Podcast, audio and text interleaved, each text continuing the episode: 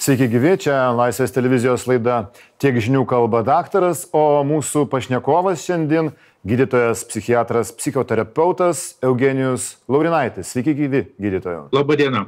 Tokiu keistu gana, gal prieštaringų metų dabar gyvenam, kaip tik šiomis dienomis. Karantinas dar tęsiasi, bet jis jau švelninamas.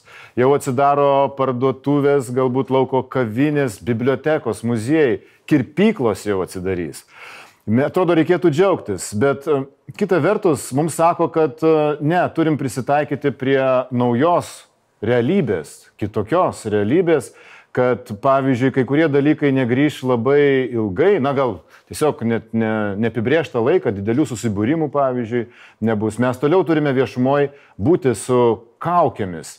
Kaip dabar jaustis? Ar ką mes nebegalim džiaugtis tuo, karantino pabaigą, nes Mes tada, kai prasidėjo karantinas, manėm, kad tik tai reikia tik jį iškesti ir vėl toliau gyvensim kaip įprasta. Bet dabar atrodo, kad ne, reikia susitaikyti su tuo, kad nebebus visko taip, kaip buvo iki šiol, ar ne? Tikrai taip ir aš galvoju, kad čia nais labai gražiai vakar e, Angela Merkel pasakė savo tautai ir ko gero visiems, kurie tik tai moka klausyti, kad tai, ką mes dabar turėjome kaip karantiną, yra tik tai pati koronaviruso krizės pradžia. Ne pabaiga, o pradžia. Ir tai reiškia, kad mūsų gyvenimas tikrai keičiasi. Ir turim šitai visi suprasti ir priimti. Aš suprantu, kad šitas poreikis keistis, kai aš pats nesiuošiau keistis. Aš gyvenau pakankamai gerai, buvo pakankamai daug tvarkos tame, kaip aš susidėliojau savo gyvenimą. Ir staiga viskas vertėsi per galvą ir reikia iš naujo prisitaikyti, kelia daug emocijų. Visų pirma, pykčio pasipriešinimo, noro, kad taip nebūtų, neįgymo, kad ne, ne, ne, tai netiesa, viską galima sutvarkyti kitaip. Negalima. Bus taip, kaip bus dabar jau šitam pasaulyje su koronavirusu ir kai kuriuose valstybėse mes šitai matom labai akivaizdžiai, netgi jų vadovai neigia šitą viruso įtaką, pavyzdžiui, Baltarusija, mūsų kaiminė, pavyzdžiui, Brazilija, milžiniška šalis Pietų Amerikoje, pavyzdžiui, su jungtinėms valstybėmis ne viskas aišku, kaip ten atskiros valstijos reaguoja į šitą pandemiją. Taip kad mes galim sakyti, kad šito nenoro pripažinti naujos realybės yra visuose visuomenės lygiuose nuo eilinių piliečių iki valstybių vadovų. Bet e, asmeniškai, pavyzdžiui, ką man konkrečiai tai reiškia? Ar aš nebegaliu planuoti susitikimų su draugais? Aš galbūt kiekvieną penktadienį gyvendavau tol, kol savaitę, kad penktadienį susėsiu su, su draugais kažkur barve. Arba šeimos susibūrimai. Man galbūt tai labai svarbus gyvenimo, svarbi gyvenimo dalis, ką aš turiu mintise jau pradėti atsisakyti tokių dalykų.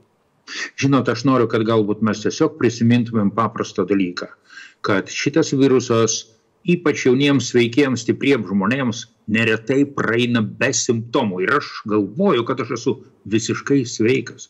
Bet tiems mano draugams kurie turi kažkokių ligų arba mano brangiausias artimiausiems šeimos nariams kurie yra jau senyvi ir iš tikrųjų yra rizikos grupėj šitas mano nežinojimas ir netikėjimas kad aš galiu būti pavojingas jiems tai gali būt mirtina.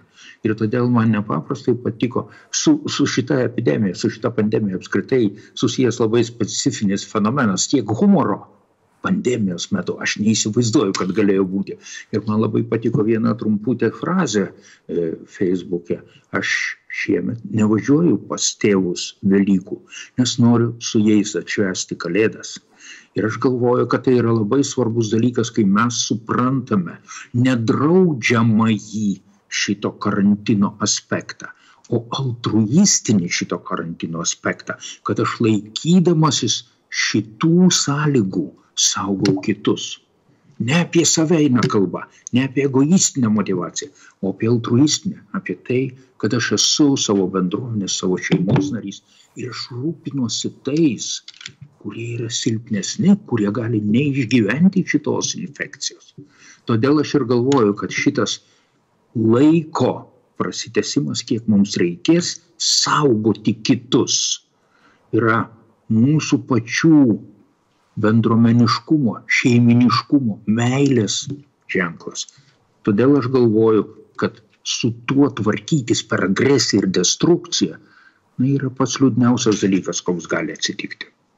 Bet gal normalu, kad kyla piktis dėl to, jog šitaip mano gyvenimas e, yra sukrėstas, iš pamatai sudrebėjo, galbūt mano pasikeitė darbo, visa aplinka, galbūt iš viso aš prastovoju, laukiu, kada grįžt galėsiu į tą darbą, galbūt aš bijau dėl savo darbo vietos, į mane įma piktis dėl to, kad taip atsitiko, ar tai normalu? Jausmai, kurie atsiranda šitokioj situacijoje, yra visai normalūs, nes iš tikrųjų vienas iš pagrindinių viso to karantino poveikių mums tai yra frustracija. Kas tai yra frustracija?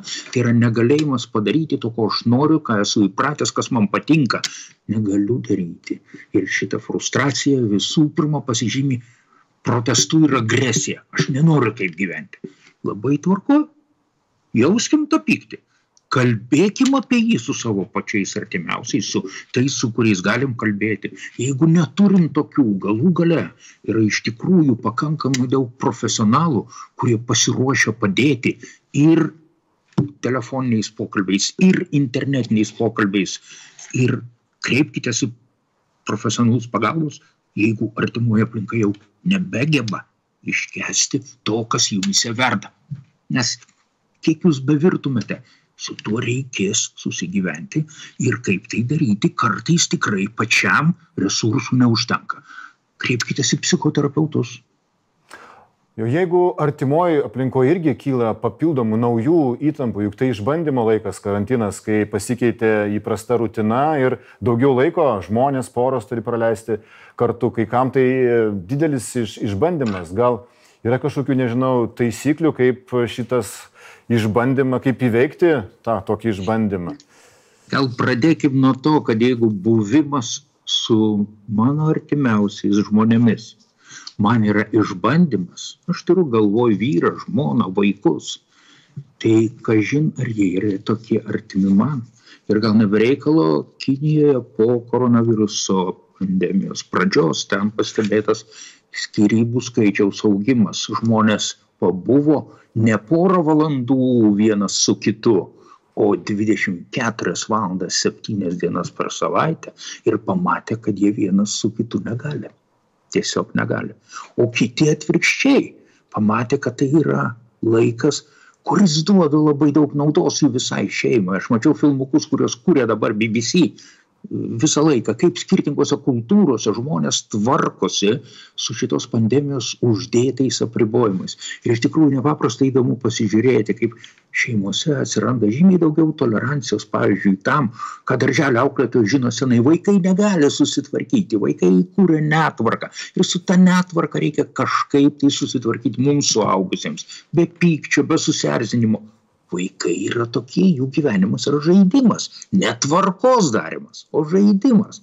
Ir su tuo žaidimu mums suaugusiems reikia susiderinti, susitaikyti ir gal net pradėti džiaugtis, gal mums patiems reikia prisiminti, kaip mes buvom vaikai. Taip kad grįžtam prie to, jog bet kokia krize kartu yra ir šansas. Ir tai, kaip aš ją priimsiu ir ką aš joje daugiausiai matysiu ir jausiu, jau priklauso nuo manęs ne nuo pačios krizės, o nuo to, kaip aš į ją reaguoju. O jeigu mane paralyžiuoja baime dėl ateities, tiesiog aš negaliu atsikratyti minčių dėl to, ar, ar aš turėsiu pajamas vaikams išlaikyti tokias, kaip buvo iki šiol, iš viso ar turėsiu darbą ir mane tai dar labiau smugdo tos mintis. Aš suprantu, bet mes turėkim galvoj, kad kol kas mes niekas nežinome, kas bus ateityje, išskyrus vieną tikrą faktą, kad ekonominė krizė, kuri ateis po šito, bus tikrai labai sunki. Ir čia jau yra mūsų valstybės reikalas ir netgi ne vienos mūsų valstybės, o visos ES reikalas pasirūpinti savo piliečiais. Nebereikalo vakar įvyko posėdis visų ES valstybių vadovų, kurie nusprendė, kad pirmiausia, jie skirs pakankamai didelės lėšas padėti toms valstybėms, kurios nukentėjo labiausiai. Ir antras dalykas, kad visai ES, ko gero, reikės skolintis pinigų, nes savų sukauptų rezervų kažkaip tai kompensuoti praradimus jau nebeužteks. Ir visa ES jos vadovai apskritai šitai idėjai pritarė. Taip kad aš galvoju, kad socialinis saugumas bent jau minimaliam lygyje bus užtikrintas.